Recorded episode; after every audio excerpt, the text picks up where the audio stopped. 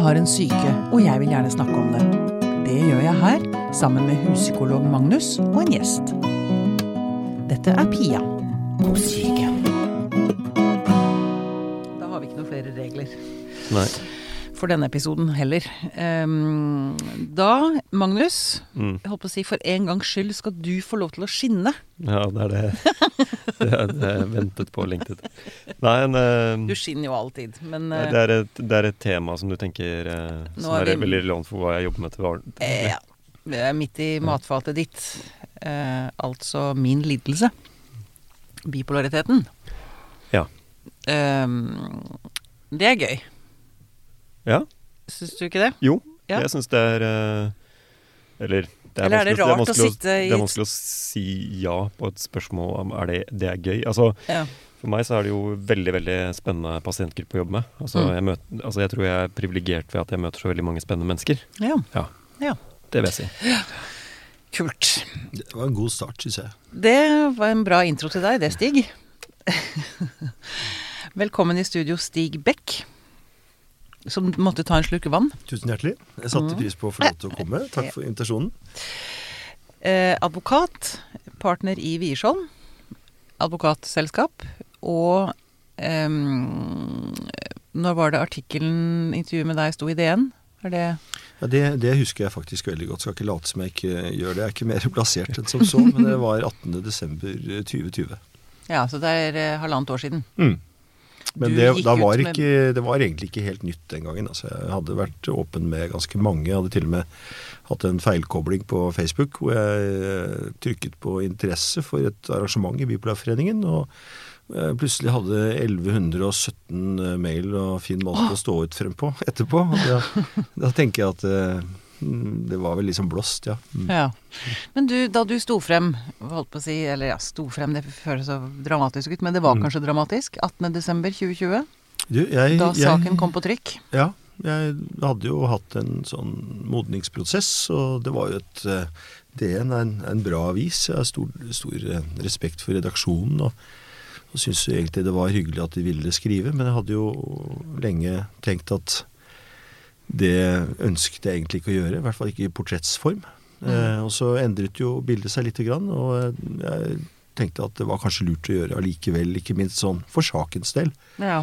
Og så, øh, så jeg var godt forberedt, og vi hadde en veldig god dialog med journalist. Og, men jeg var ikke helt forberedt på at det kom på forsiden, eh, det må jeg kjenne. Så Mm. da jeg fikk beskjed om at den gjorde det, så, så skvatt jeg litt og gikk litt i kjelleren et par dager. Men øh, jeg kom fort opp igjen. ja.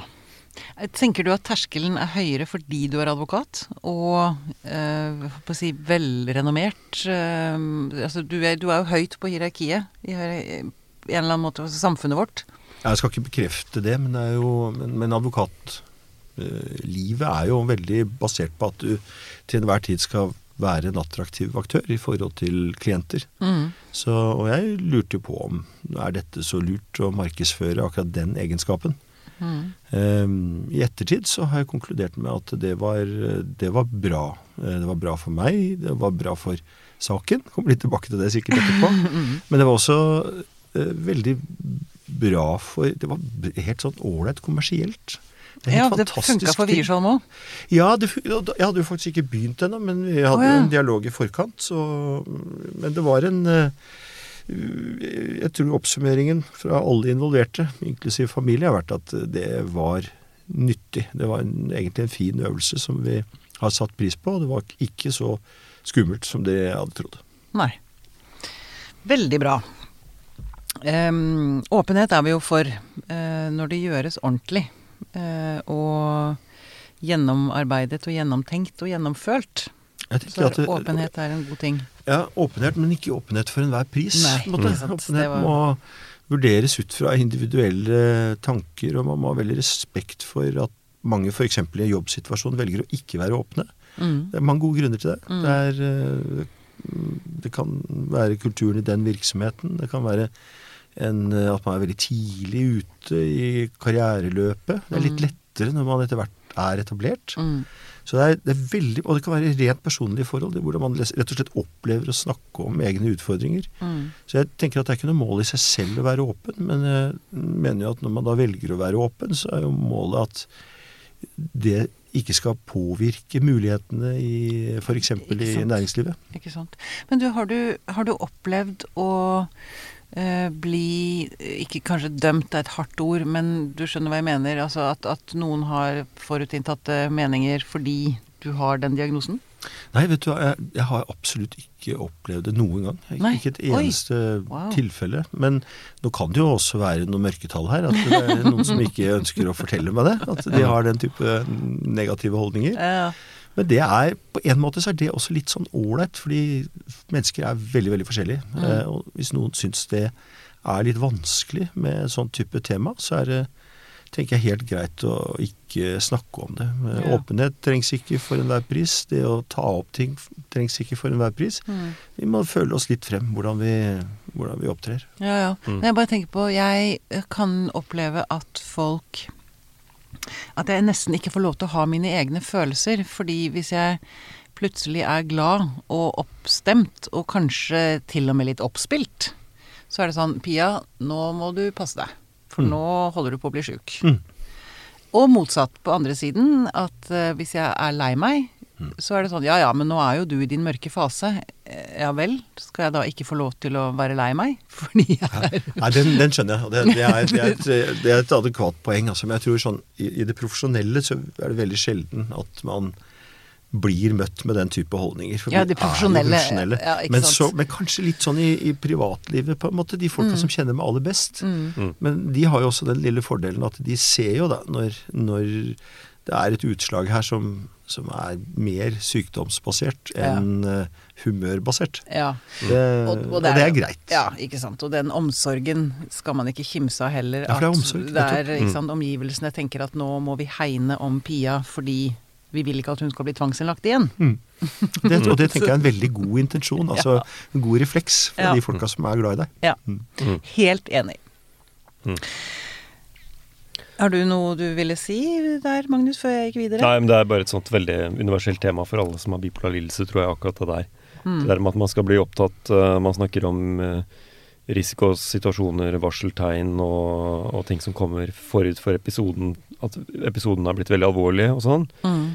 Og så er det jo noen sånne kjennetegn som er veldig veldig sensitive, i betydningen av at de alltid opptrer sammen med en episode. La oss si at det at du er litt nedfor, det blir du gjerne i forkant av en depresjon. Ja. Men du er jo ofte nedfor uten at det blir noe antydning til at det er en depresjon under oppseiling. Mm. Så da er det veldig sensitivt med et lite spesifikt varseltegn, ikke sant. Mm. Så ofte så er det sånn at folk finner ut Så ofte så er nøkkelen for mange da, i sånne familier og sånn, hvis man skal liksom få hjelp til å faktisk oppdage, og uten at det blir sånn anmassende eh, overvåkningsfokus, Mm. Så er det jo det å finne de der litt mer sånn sære tegnene som er litt sånn typiske for at dette skjer ikke uten at det er noe Jeg hørte en historie en gang om en med lignende utfordring, hvor, hvor man da, når man observerte at eh, hun, det var en dame, hadde mm, utfordringer eh, Eller begynte også å ta eh, snakke i en imaginær telefon. Det var dårlig tegn. Da var man på vei opp i en eller annen slags form for mani. Nettopp, ja. Kanskje til og med en psykose. Ja. Da gjorde man det som veldig mange gjør. på en måte. eh, Det ble ordnet slik at da kom det en henstilling om at du nå ta den medisinen. Og det, og det tenker jeg er veldig viktig for mange av oss. At vi, hvis vi har muligheten, hvis vi har noen som kjenner oss, og som vi har absolutt tillit til, det kan godt være på jobb, eh, men kanskje vanligvis i hjemmet, eh, så fungerer det veldig bra å å ha noen avtaler om at eh, hvis sånn og sånn skjer, eller hvis du gjør slik og sånn, så reagerer vi på den ene eller den Mm, andre måten. mm. Da Mm. tar jeg deg i hånda, og så tar jeg deg ut på badet, og så tar vi litt mer medisin. For Det er jo kanskje en korreksjon som trengs. Ja. Mm. Mm. Mm. Her har jeg bare lyst til å spille inn uh, noe jeg skrev på Facebook for flere år siden. Uh, den enorme forskjellen mellom um, å overvåke og å våke over. Jeg, jeg elsker den distinksjonen der. Fin terminologisk effekt. Å være overvåket effekt. kontra å ha noen som våker over meg. Ja, helt nydelig. Jeg har aldri tenkt på den. det, er det ikke vakkert? Mm. Det er mye omsorg i den siste der. Mye mer eh, ja. Og hev kontroll i den andre. Mm. Så mm. Men det er jo litt det der med at man også Noen av oss underkaster oss jo egentlig den kontrollen vi mener er nødvendig. Jeg gjør jo det Ja. i forhold til alt. Jeg følger, Ja. følger legens, og psykologens beskjeder, og så tenker jeg at de stort sett hyppigere har rett, hvis vi skulle finne på å være uenige. Ja. Eh, og da gjør jeg det de sier. Eh, vel vitende om at jeg må jo bidra, altså jeg må jo fortelle hva jeg tenker og føler og tror. Mm. Men hvis man fortsatt etter en diskusjon konkluderer med at eh, mitt videre handlingsforløp er feil, og psykologen eller psykiateren anbefaler noe annet, da gjør jeg det han eller hun anbefaler. Mm. Ok. Oi. Det var ovnen jeg satte på ovnen. Jeg frøs sånn her. Um, dere får si fra hvis det blir for varmt for dere. Litt høyere temperatur i studio, så det blir bra. Jeg eh, Du har sikkert sett denne, denne dokumentaren til Stephen Fry. Ja. Og der reiser jo han rundt og snakker med bipolare, både kjente og ukjente. Eh, og så stiller han dem et spørsmål eh, om hvis de kunne trykke på en knapp og bli kvitt sykdommen, ville de trykket på knappen? Mm. Ville du det? Ja. Du er uten tvil. Mm. Ja. For jeg er da på den andre siden.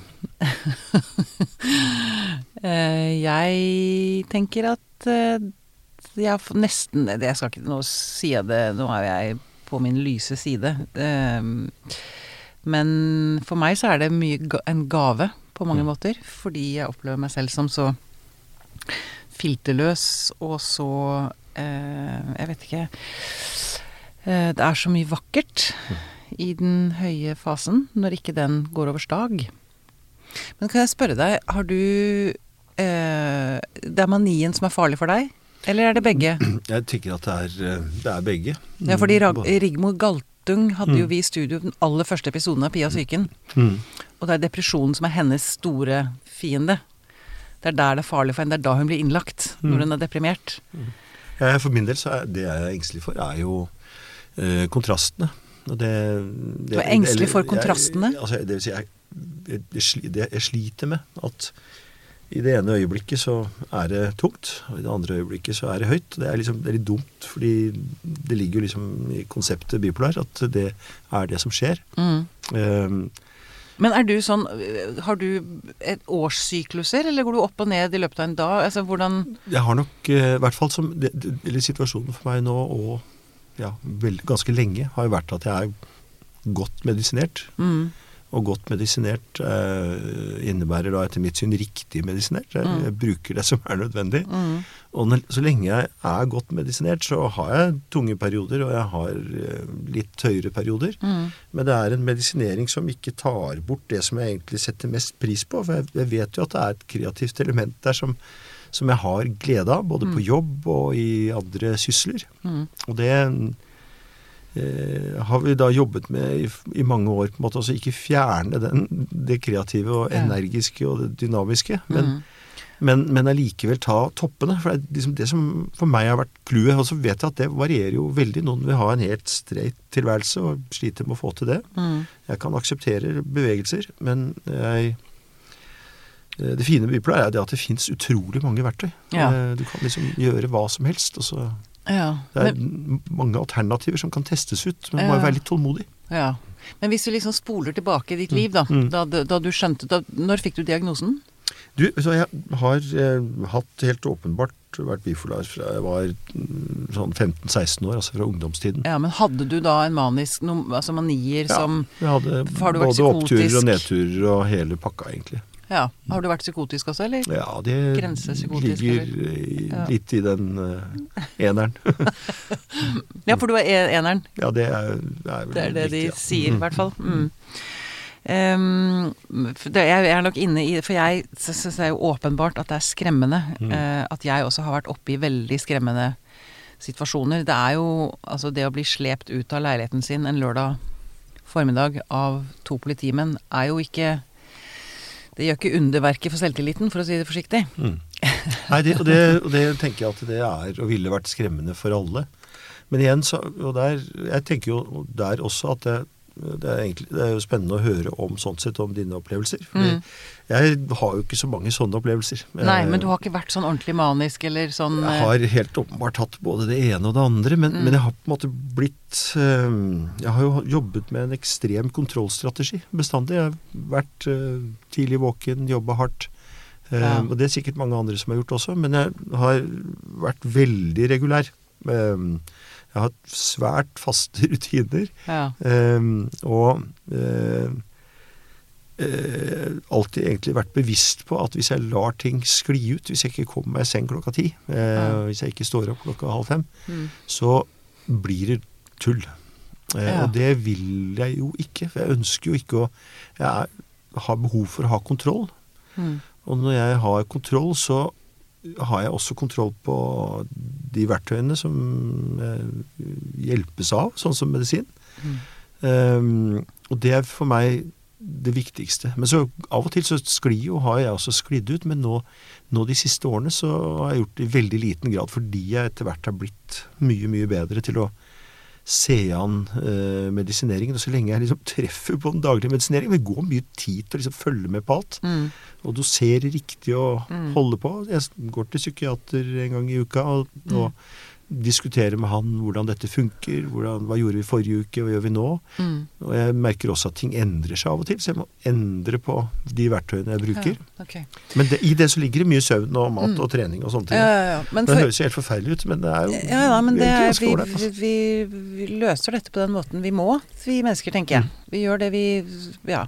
Men vi, neste spørsmål mitt da er Jeg er jo for min del helt øh, overbevist om at øhm, bipo, det, det man kaller bipolaritet, um, er egentlig et et resultat av traumer. Mm. at det er bare veldig mye ting som skjedde meg da jeg var liten, som aldri fikk lov til å puste. Mm. eh, Som ble pakka ned. Mm. Uh, og at det nødvendigvis måtte ende i eksplosjoner. Altså det må ut, da. Alt det vonde, smertefulle eh, som bodde inni meg. Mm. Hva slags tanker har du om det? Mm, Jeg er jo- jeg holdt jeg på å si, av og til heldigvis ikke da lege og heller ikke psykologutdannet. så- men Nei, det er Magnus, og vi Jeg får kjenner høre. mange, så Magnus får lov til å mene litt om det. Men, men, jeg, det har, men, men, men jeg, er jo, jeg har jo vært godt over snittet interessert i dette i mange år, så jeg Ja. får jo med meg det som er av litteratur, tror jeg. Mm. Så, så godt opplest blir man i hvert fall. Mm. Men jeg oppfatter eh, Vi har en del faglige foredrag, bl.a. sammen med nordmenn, eh, disse forskerne oppe på, på Rikshospitalet. Ja, i Bipolarforeningen, det må vi faktisk si. Mm. Du sitter jo i styret i ja, det, er Bipolarforeningen. sant, det er viktig få med. Det Mm. må vi bare få sagt her. Mm. Ja. Men det, det er sagt, det er viktig. Mm. Det kommer vi tilbake til. Mm. Men, men, men, men det, det jeg tror er at eh, Jeg er litt opptatt av den genetiske varianten. Jeg tror at vi Det er mulig, eh, man har ikke kartlagt det, men det er mulig også å se noen eh, genetiske variasjoner på, på DNA-nivå. Det kan være noe myelinmangel i hjernen. Det kan være ting som ikke funker helt på venstre sida. Jeg ser litt bort på psykologen her for å søke støtte. Men, men jeg, jeg, jeg tror jo at eh, dette er en, det er en genetisk sårbarhet. Og det, for det kommer jo litt også basert på det arvelige. I min familie f.eks. Så, så bakover så, så er det lett å spore noe bipolare her og der. Mm. Eh, men hvis man, hvis man tar det og legger den genetiske sårbarheten i bånn, og legger på et traume eller to, så får man kanskje litt mer av forklaringen på hvorfor den sårbarheten Ja. utløses hos noen. Hos andre utløser den den ikke i det hele tatt. Mm. Men atter andre igjen opplever at den utløses, men uten at man har slike traumeopplevelser i, i bunn. Ja. Så det, det jeg tror, um, det er at uh, man kan, man kan godt ende opp med en eller annen bipolar diagnose uten traume, men, men man vil vel veldig ofte se, og hvis man leter litt, så finner man ofte noen litt utløsende og traumatiske opplevelser i bånn som Ja, det- drar, drar det i gang. ja, og jeg, for jeg tenker også at én ting er sånne åpenbare traumer som broren min som døde og sånn, men så kan det jo også være mye mer altså relasjonelle, mer subtile traumer som Altså dette er, vet jeg, sånn uh, uh, anstrengt forhold til mor, f.eks. En kald mor, det var vel det man ga skylden for schizofreni, var det ikke det på 70-80-tallet, Magnus? Mm. Eh, altså det kan jo være sånne typer traumer som ikke er så åpenbare, da. Jeg tror, jeg tror at eh, her det, det eneste, det viktigste er at man at man forsker videre. Det er Ja. jo det Bipolarforeningen er kanskje et av, en av våre viktigste formålspilarer. er Ja. jo det at vi skal bidra til forskning. Støtte, støtte det både gjennom vår fysiske deltakelse, vi skal stille oss til rådighet som Mm. objekter, Mm. men også økonomisk. Mm. Men, en, men en annen ting, for man må jo av og til få vinkle det litt positivt òg. Mm. Og siden du er litt i den lyse, på den lyse siden Mm. eh, Jeg tenker å ha tenkt mer og mer på de siste kanskje to årene. For jeg svarte veldig klart ja om at jeg ville bli kvitt det hvis, eh, hvis det var mulig. Mm. Men jeg har kommet litt i tvil sånn innimellom. Fordi Mm.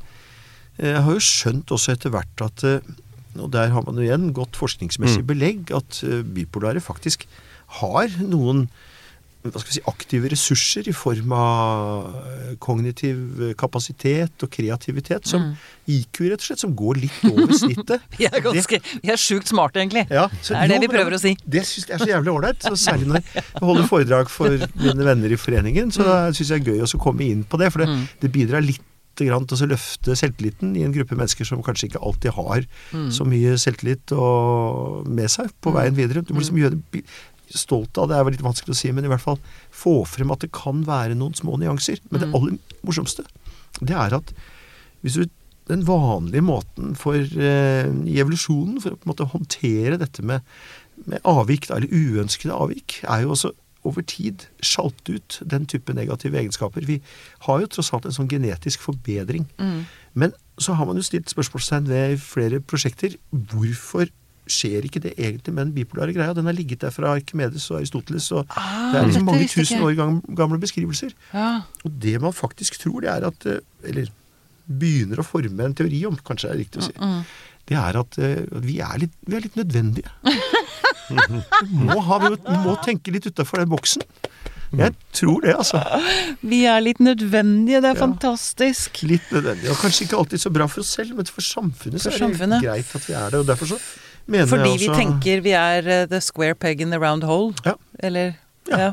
Og så er det litt det der med at man må, I alle virksomheter så bør man ha noen som kan tenke litt utenfor boksen. Som, som har det der litt sånn awkward synet på verden og livet, og, men også kommers og juss. Mm. Jeg tror på det. Jeg liker å tro på det. Jeg, Jeg er litt jeg usikker tror på det. belegget. Jeg er helt sikker på det. Eh, Magnus. Ja, altså Nå- mm, øh, Jeg er veldig enig i veldig mye av det Stig eh, sier her, egentlig. Og, eh, men jeg tenker det er én ting jeg har lyst til å gripe litt fatt i, og det er den derre øh, Dette med øh, din historie. Om Min- din, min- din mm. egen øh, Altså Pia, nå ser ingen ser Mm. selvfølgelig. Eh, Pias historie. Mm. Om hvordan du opplever eh, at din bakgrunn har preget deg og, og følelseslivet ditt, og, og hvordan du knytter det også til eh, perioder med, med oppstemt og nedstemthet og sånn. Mm, Eh, den uh, bipolar lidelse som gruppe vil nok aldri kunne uh, Det vil nok ikke være én enkel forklaring, en, en enkelt årsaksforklaring som er veldig sånn rett, rett frem. Eh, det er en, eh, det er en um, Bipolar lidelse favner en gruppe som er som, er, eh, som danner Det er en meningsfull enhet. Det er, en det er meningsfullt å se på bipolar lidelse som en diagnosegruppe som Mm. deler veldig mange viktige trekk. mm, Men det må ikke, man må ikke underslå det faktum at det er en stor heterogenitet der. Altså en stor forskjellighet. Både Ja, i hvordan som- som folk har hvordan, hvordan folk opplever det å ha lidelsen. Både hvordan hvilke risikofaktorer de har i bagasjen. mm, eh, både hvilken eh, arvelighet de har i familie, altså hvilken eh, familiehistorie de har med denne lidelsen. Eh, og eh, i det så ligger nok også noe av forklaringen på hvorfor det, hvorfor det blir liksom vanskelig å ha sånne diskusjoner om akkurat hva som forårsaker bipolar lidelse. mm, Men når man skal gjøre et forsøk på det, og, og snakke om det som gruppe, mm. så liker jeg den måten Stig gjør det på her. Dette med å snakke om en eh, predisposisjon, altså en genetisk sårbarhet. Mm. Eh, og, og så er jo det en forenkling av hvordan virkeligheten er. altså ikke sant? Hvordan, hvordan skjer det, hvordan blir dette her til? Hvordan møter genene virkeligheten og alt det der. Men allikevel så er det jo sånn at eh, eh, når det gjelder bipolar lidelse, den, eh, den eh, store, store eh, arvelighetsfaktoren da, som man Mm. ser, den, den kan man ikke se bort ifra, tenker jeg. Eh, og så er det jo eh, sånn at eh, det er ulike miljøfaktorer som avgjør hvorvidt noen går over den terskelen og får sin første eh, mani Episode, eller mm. eh, depressiv episode. Så noen opererer med en modell der du på en måte hvor man tenker seg at hvis du først trør over den terskelen, at du får en alvorlig sykdomsepisode, Mm. så skjer det gjerne mellom alderen 15 til 30 år. Fordi da har du, hvis du tar det i aldersspennet, så er det, favner det nesten alle. Mm. Så det skjer i en episode hvor man er sånn ung voksen øh, der omkring. Mm. Og, eh, og når det skjer, så ser det ut til at da har man trødd over en terskel som gjør at da har man en sårbarhet gående. Eh, som gjør at vi ofte omtaler det som en, som en slags episodisk sykdom. Ja. Ikke sant? Mm, mm. Men så er, jo, øh, så er jo forløpet veldig ulikt, og noen kjenner seg ikke igjen Altså, øh, noen kjenner seg ikke igjen i den der gjennomsnittlige beskrivelsen av forløpet til bipolar lidelse. Så det er en variasjon her også, Mm. som gjør at jo mer forskning som kommer til, jo mer vil vi nok også oppdage forskjeller ved, når det gjelder årsaker og, Mm. og sånn også. Mm. Så, øh, men den øh, øh, Men dette med at alles alle, alle har ikke det, er ikke det er ikke grunn til å tenke at alle med bipolar lidelse har relasjonstraumer i bagasjen heller. Nei. Så, ok. så det kan være andre typer traumer som Mm. fødselskomplikasjoner. Ja, ikke sant. ho hodeskade er jo også forbundet med en viss økt risiko. Ja, ja. Ja. Men ja, og jeg hadde bare lyst til å eh, si noe som du har sagt før, men uh, har du truffet én bipolar, så har du truffet én bipolar. Ja. Det er noe med Igjen, da, som jeg også har tenkt innimellom, at mm, det er som om verden liksom tror at de har catcha meg fordi jeg sier at jeg er bipolar. Mm. At, å ja, men da vet vi hvordan du er. Nei, det gjør dere ikke. Nei, og det, og det er litt viktig. Altså. Det er litt av det vi bruker mye tid på i denne foreningen også. Fordi folk eh, opplever jo seg selv som uh, ulike. Mm. Og så prøver vi å skape plattformer og arenaer hvor de kan, vi kan møtes. Mm. Uh, for det er bra fordi det er mange gjenkjennelige ting også. Så det er mange ting som man kan ha nytte av å høre andres opplevelser rundt. Men sånn, sånn i bunn og grunn så tenker jeg at uh, hvis man tar eh, psykiatrien i Norge f.eks., av måten folk håndteres på på sykehusene f.eks., Mm. eh, som mange av oss har prøvd, så eh, tenker jeg at den faktisk er ganske individualisert. Jeg Mm. føler og forstår at man, man, man blir sett. Det er et forsøk. Det er en genuin vilje. Det er alltid mangel på ressurser, og det er mange ting som er gærent. Mm. Men sånn i bunn og grunn så er det en, en ærlig og godt forsøk på også å gjøre noe bra. Ja. Og så vil jeg bare si noe der, bare som et eksempel på denne forskjelligheten, fordi eh, det er veldig viktig å trekke frem disse, disse studiene som da finner at f.eks. De, de som er i høyest risiko for bipolar lidelse, fant man i noen, i noen svenske, en svensk studie hvor man fant at de som hadde ekstreme prestasjoner på kognitive tester i ung alder, uh, har høyere risiko, utgjør en høyere risiko for, For å opp, utvikle. bipolar lidelse. Ja. så er det også en del ting som tyder på at risikovarianter uh, genvarianter, altså fra molekylærgenetikken, at man kan se overlapp mellom risikovarianter for bipolar lidelse og varianter som er forbundet med høy intelligens. Mm. Eh, men så er det også sånn at eh, noen av disse studiene ser man også det at lav, lave kognitive evner eh, også er, gir risiko, økt risiko for bipolar lidelse. ja, okay. Så det er en slags U-kurve der, så, så det er ikke helt bare være... det viser, det viser at det er ikke en sånn enhetlig vei Nei. inn i denne lidelsen. Du kan Men- være stokk dum og superintelligent. Ja. Og ha like stor risiko. Og heller ingen enhetlig vei ut. Nei. Nei. Nei, men det er veldig viktig også. viktig. Så det, det, og eh, jeg tenker jo den derre eh, som Stig sier, at man blir, det er veldig godt å, at du sier det. At du føler at man blir møtt som et individ i, i sykehuset, gitt de ressursene man har. Mm. Eh, for det er jo på en måte sånn også faget skal forvaltes også. Det er ikke noen sånn enhetlig Mm. manual for hvordan man skal bli møtt. Men det finnes et knippe av veldig gode råd som man snakker om her også. Mm. Det finnes et knippe av veldig gode råd som man bør ha som et utgangspunkt når man snakker med noen med bipolar lidelse. For at dette ser ut til å være ut, utgjøre kjernen av hva som er liksom gode råd for de med bipolar lidelse. For Mm. noen, så er det, noen så er noe av dette er elendige råd, men det finner vi ut av sammen. Mm. Mm. Hva som gjelder for deg. Mm. Mm. Mm.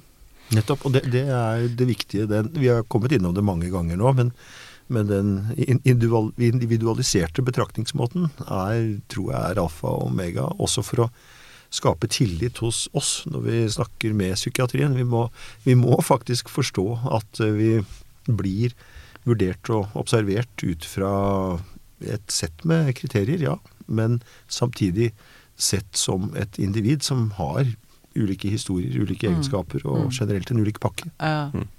Så kanskje man ikke tør nå at man møter Stig Becks og vet om han er en advokat. Sitter man plutselig bare ut man gjør trør feil. Det er, det er faktisk reflektert over. Det. Er denne samtalen her konfidensiell, forresten?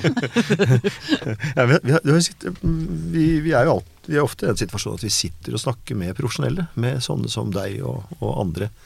Uh, og, og jeg har tenkt på det av og til. Jeg, jeg hadde en opplevelse fra en fødsel en gang. Hvor eh, det hadde skjedd noe. Og så så jeg ytterst i anmerkningen på epikrisen etterpå at ops, begge foreldre er advokater. så tenkte jeg, var det bra? På den ene siden så er det ikke bra, fordi det kan jo indikere at det er forskjellsbehandling, og at man får litt mer.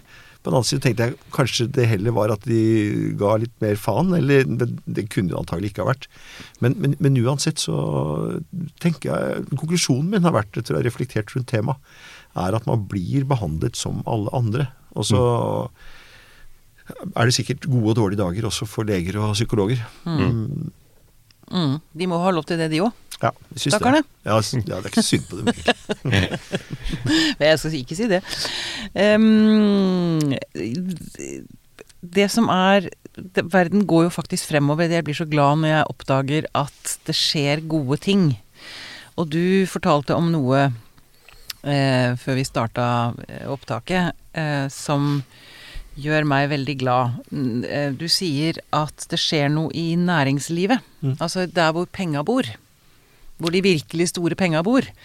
Nemlig at selskaper er, begynner å bli mer og mer opptatt av å Altså diversity, altså diversitet. At, at inkludere Ja, åpne Um, åpne rommet for flere. At vi ser kvaliteter. Det, det gjelder ikke lenger å være den smarteste, beste, sterkeste, tøffeste.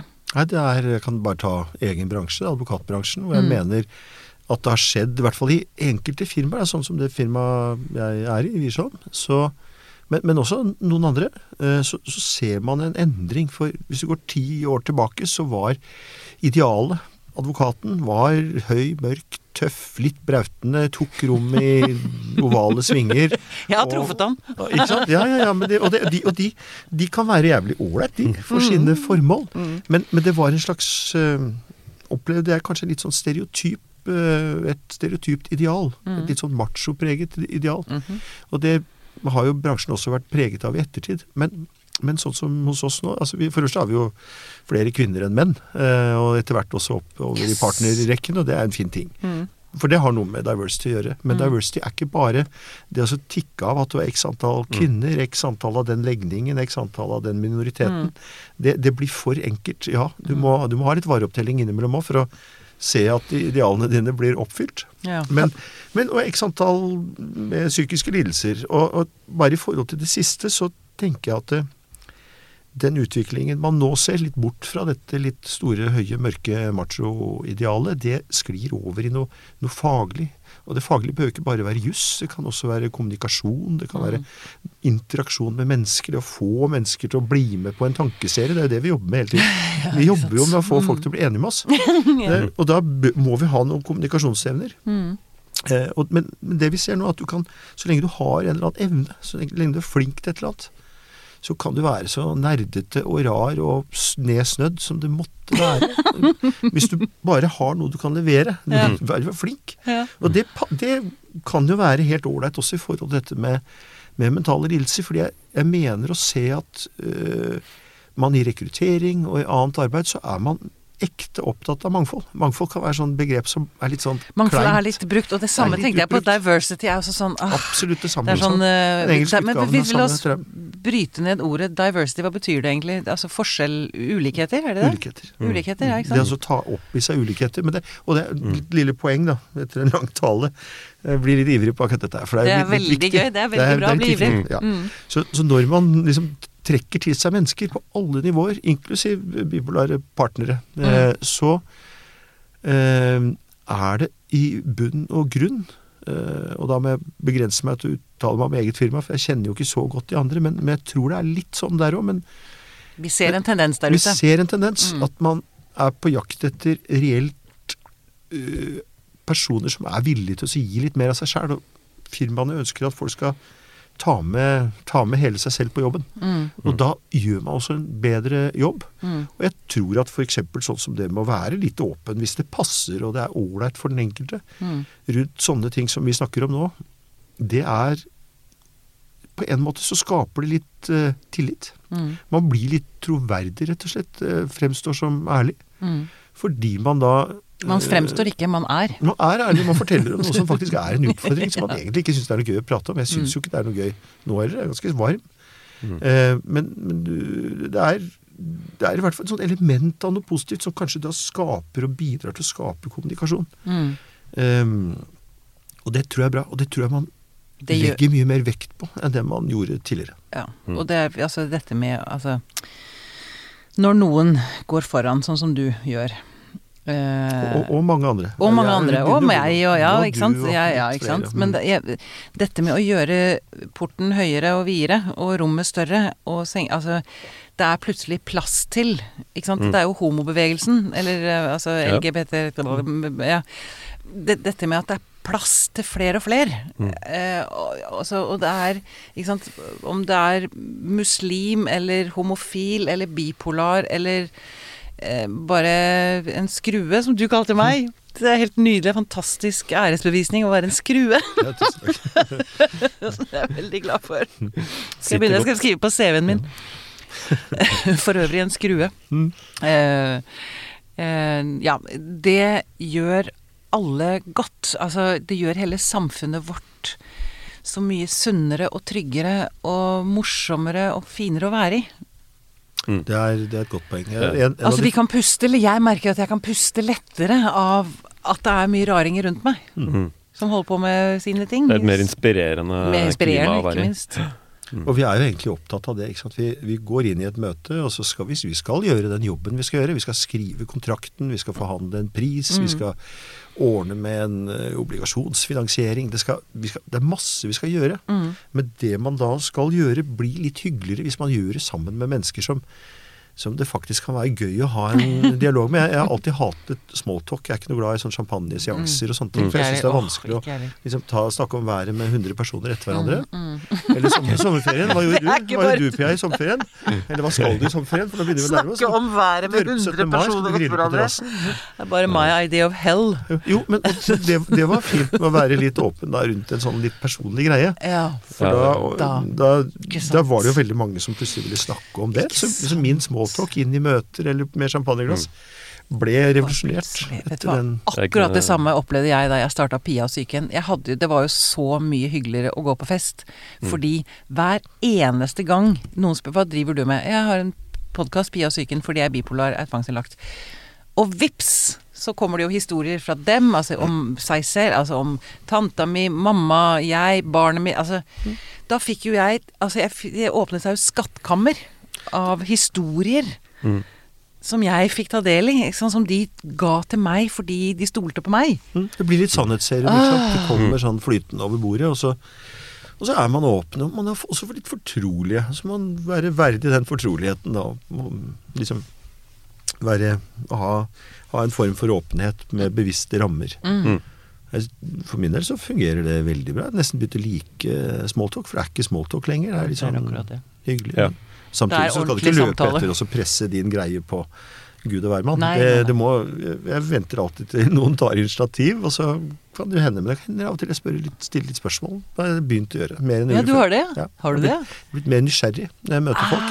Mm. fantastisk. Jeg tenker ofte at du, du ser på folk, men du hører hvordan de sirkler samtalen. Det jeg egentlig har lyst til å spørre. Mm. Så venter jeg litt, Mm. og så hører jeg litt med dem. Med dem. Mm. Og da blir det jo veldig spennende samtaler ofte, for da får man jo Ja. Da blir det reell dialog. Man utveksler ting. Og så er det dette som vi snakket om med Martin Eia Revheim. Eh, for jeg kontaktet han eh, Han, han starta Blå i sin tid. Mm.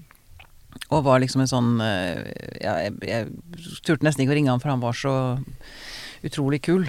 Og så kom jo han med bok nå, hvor han forteller om sin oppvekst med en voldelig øh, alkoholisert far, eh, og hans eh, vei øh, gjennom livet.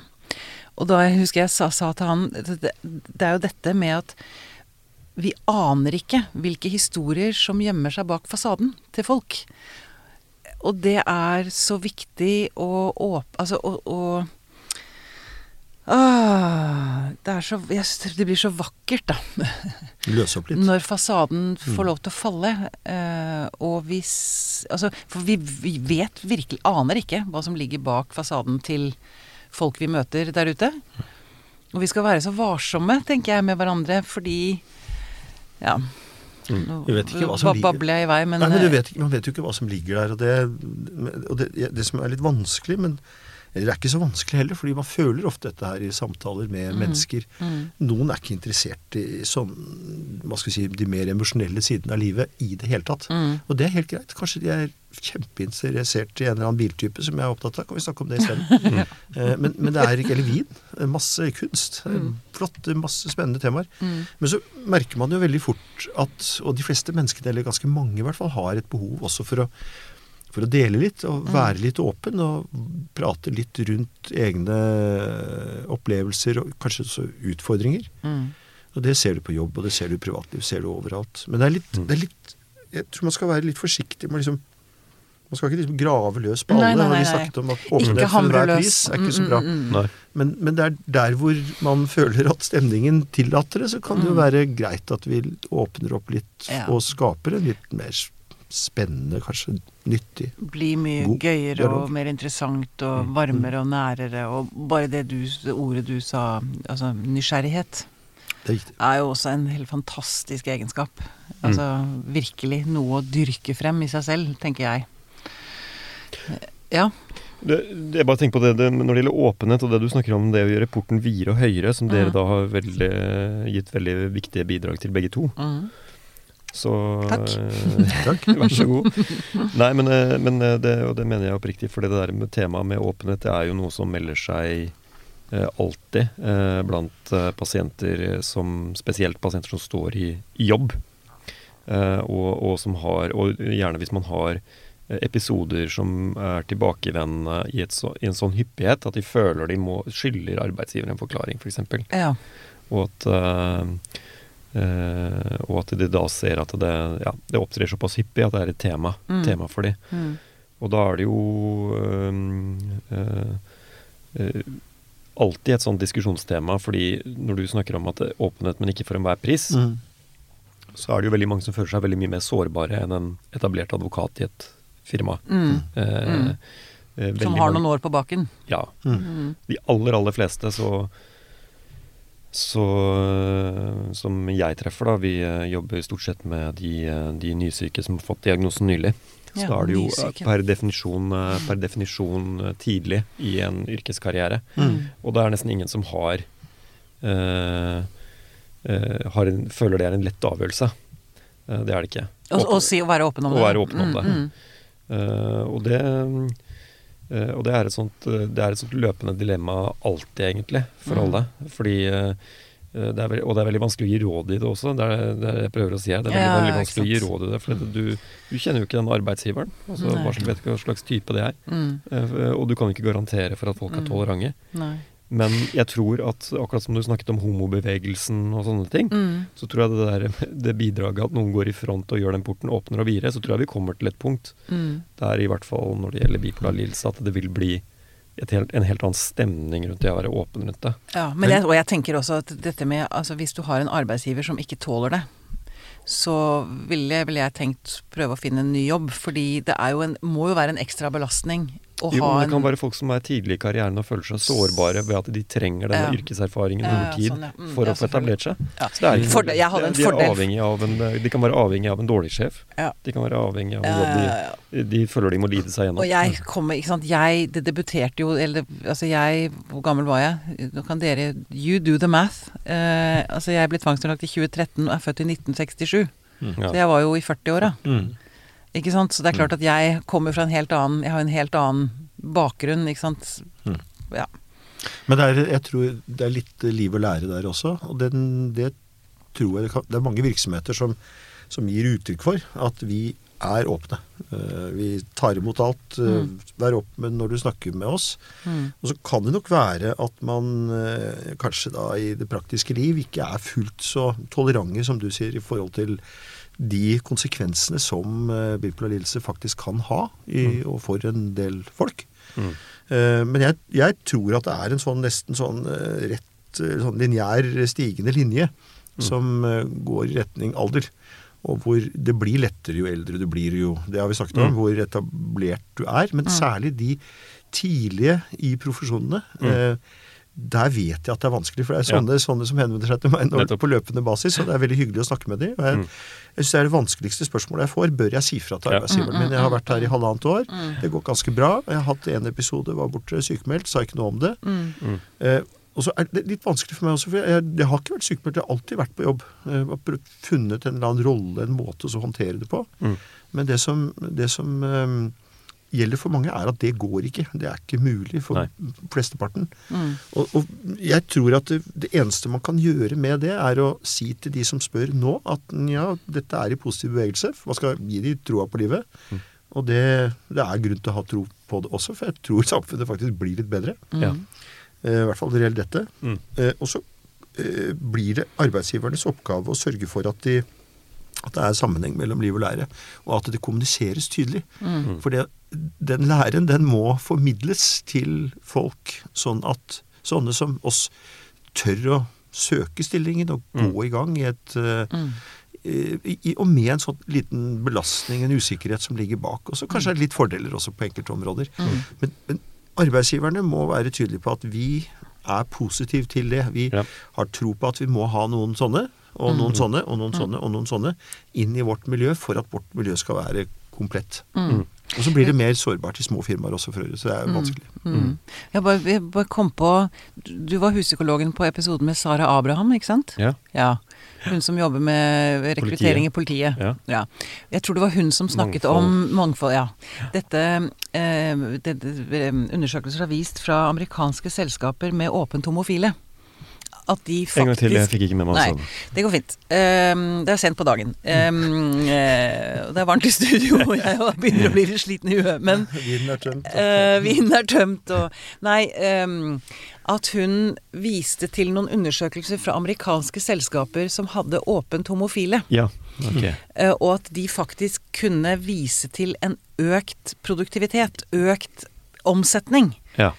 Bedre, altså det var et bedre selskap på alle mulige måter fordi noen hadde gått foran og vært Altså, åpenheten skaper penger i kassa, for å si det Ja, veldig ja, ja. enkelt, da. Det har jeg også hørt. Det har jeg også hørt, og der, er, det, og der er det som alt mulig annet at man lurer litt på retningen. Hva som er retningen, årsak, virkning her. Mm.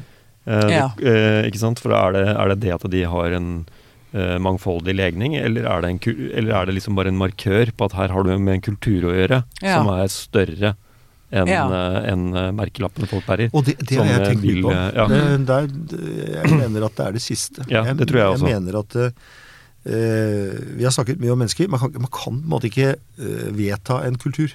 Mm. Man må en kultur. Og det er vi Man kan prøve med powerpoint-presentasjonene sine, men ja, ikke sant? Det, men det funker ikke. Det er, det er, man kan, men da må det også være en oppsummering i Mm. etterhånd. Du må, en kultur bygges gjennom mennesker, og summen av mennesker som er en del av den virksomheten. Ja. Og hvis de har en bra holdning, enten Mm. det er til det ene eller til det andre, Mm.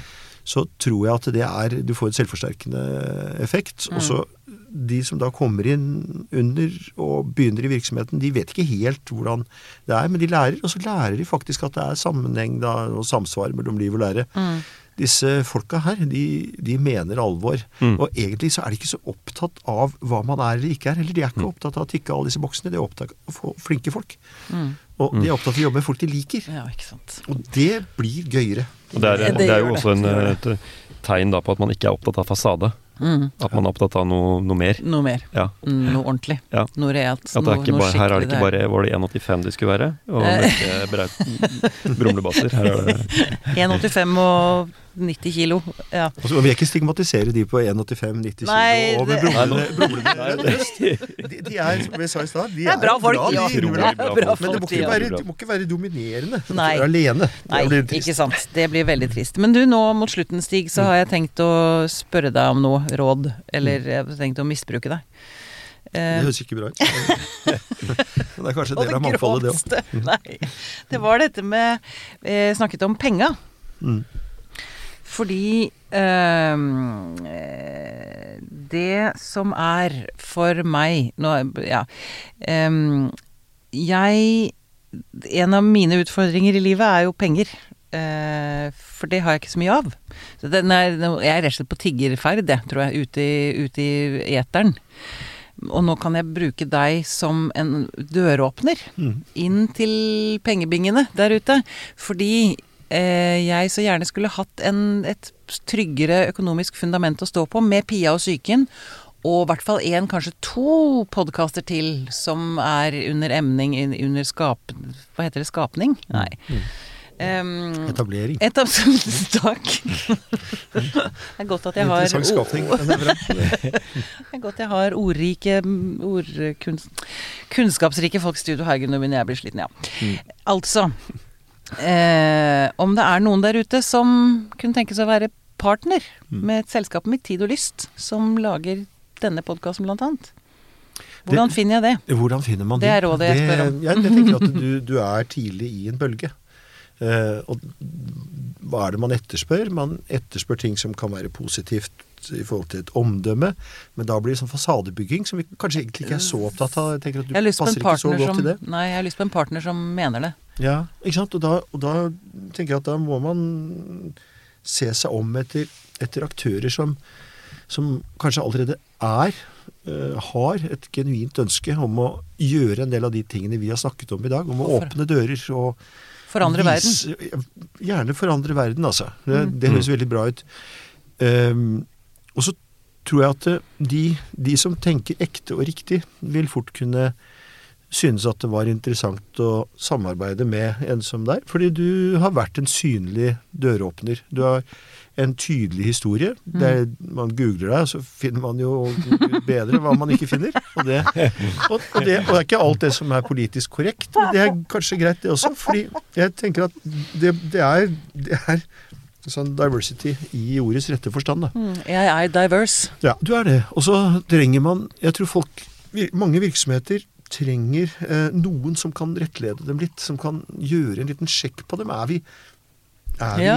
vi, er vi innafor? Det, som, det, som, det blir som Teste. som miljøspørsmålet. Ja, ikke, at, dette er ikke greenwashing. Det er ikke sånn Det, det vi er på jakt etter, ikke sant, er at det ikke er sånn sosial uh, cleaning, på en måte. Altså, Mm, det, det skal mm. ikke være at man er på jakt etter det ekte og det genuine. Mm. Og hvordan kan man bedre teste det ekte og genuine Ja. enn å sende inn noen med f.eks. din track record? Jeg Mm. tenker at det er en, eh, et, rom for, det er et rom for oss alle. Og det finnes et selskap der ute Mm. som eh, har lyst til å plassere penger her, Mm. hos meg. Mm. Åpne pengebingen lite grann. Det er ikke så mye det trenger. Eller ja, nok. Veldig fine lokaler da, i Sverdrups gate. Ja, takk. Tusen takk. Veldig koselig. Alle, alle kommenterer det. Nesten alle. Nesten alle kommenterer det. Ja, det tror jeg nesten alle. Veldig, det er jo så deilig å sitte et sted som jeg har laga sjæl. Kollegaene mine har bygget studio, og jeg har stått og malt og fått og jeg, noen, noen som kom og leverte en sovesofa, og jeg dro ned og kjøpte trekk og sydde det og la på Altså, ja. Og det er, Det er piano fint. bak i studio som jeg antar at vignettene spilles på. Uh, nei, not so much. Nei, for det, den er gitarbasert, nemlig. Vignetten. Ja, Men uh, det, det er mer min psykiske det, det, Da jeg var innlagt, uh, så fikk jeg lov til å spille piano én time om dagen. Man skal jo ikke være for aktiv når man er i den Mm. høye fasen. Um, hit går jeg når jeg trenger å sette meg ned og være i fred og få lov til å bare være. Mm. Og ikke måtte prestere noe. Da eh, kommer piano. Da er, det, da er det det jeg går til. Da har jeg lyst til å bare høre om det er noe dere har lyst til å føye til på slutten. Noen av dere. Som en tråd jeg har mista her. Eller Jeg, har én ting, Ja, og, det, veldig og det er Bypleierforeningen.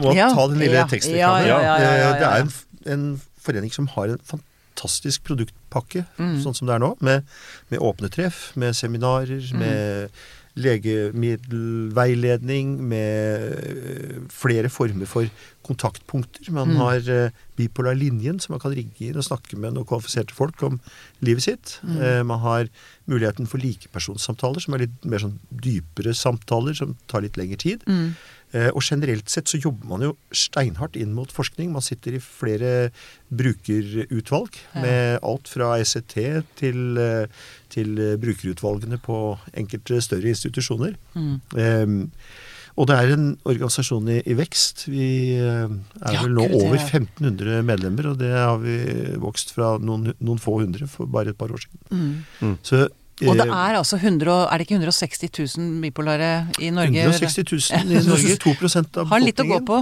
Så vi har litt å gå på. Mm. Så, så det er, og det er en forening som er åpen både for medlemmer eh, i form av eh, direkte berørte, altså bipolare, og pårørende. Ja. Og i og for seg andre som også måtte ha lyst til å melde seg inn for å støtte saken. Så, Og vi- det koster hva er det, 250 kroner i året eller noe sånt nå? 250 i året, ungdomsrabatt. Jeg tror det er under 26 år, så betaler du 100 i året. Så er Blakker deg ikke på det. Nei, Mm. man skal ha respekt for folks penger, men, men veldig mye er det ikke. Mm. Uh, og, det, og man kan også gi donasjoner hvis man, hvis man ønsker det. Men det Mm. viktigste er at Bipolarforeningen er blitt en forening som man lytter til. Man Ja. Er og er sitter som sagt i som, eh, utvalg. Man er en del av høringsuttalelser. Man Mm. mener noe, har en politisk plattform som er Mm. godt uh, gjennomtenkt. Mm. Så jeg er litt sånn glad i Bipolarforeningen, Ja. for det var det første Ja. stedet jeg kunne snakke med noen og være vi.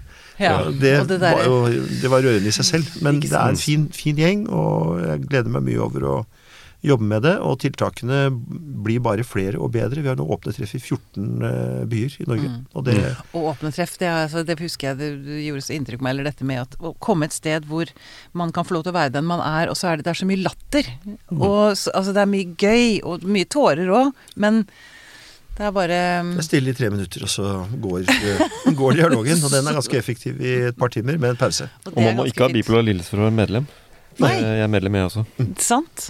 Så jeg, jeg vil bare oppfordre alle til å mm, gå inn på Vi Bipolar- ekskluderer ingen Nei, i Bipolarforeningen. Overhodet ikke. Den er så mangfoldig som det går an å bli. Det tror jeg jeg kan si med hånden på hjertet. Ja. Eh, Bipolarforeningen.no. Der har man eh, muligheter både for innmelding og, og, og informasjon om aktiviteter. Fantastisk. Veldig bra. Det er fint. det. Da tror jeg vi setter strek. Er det, er det innafor? Er dere med på den? Ja, jeg syns det var en veldig fin, uh, fin måte å avslutte på det. Veldig fint. Da gjenstår det bare for meg å si tusen takk, Stig Bekk, for at du kom til oss. Tusen takk for at du kom. Tusen takk for at jeg fikk lov å Det komme. var, det var Eh, veldig Det er veldig deilig for meg òg, faktisk, å få lov til å liksom bare fråtse vilt i min egen lidelse. Vi får ta fire kaffe i etterkant og en halv flaske vin, så ser vi hva som skjer. Parvalium. Par. Kanskje det.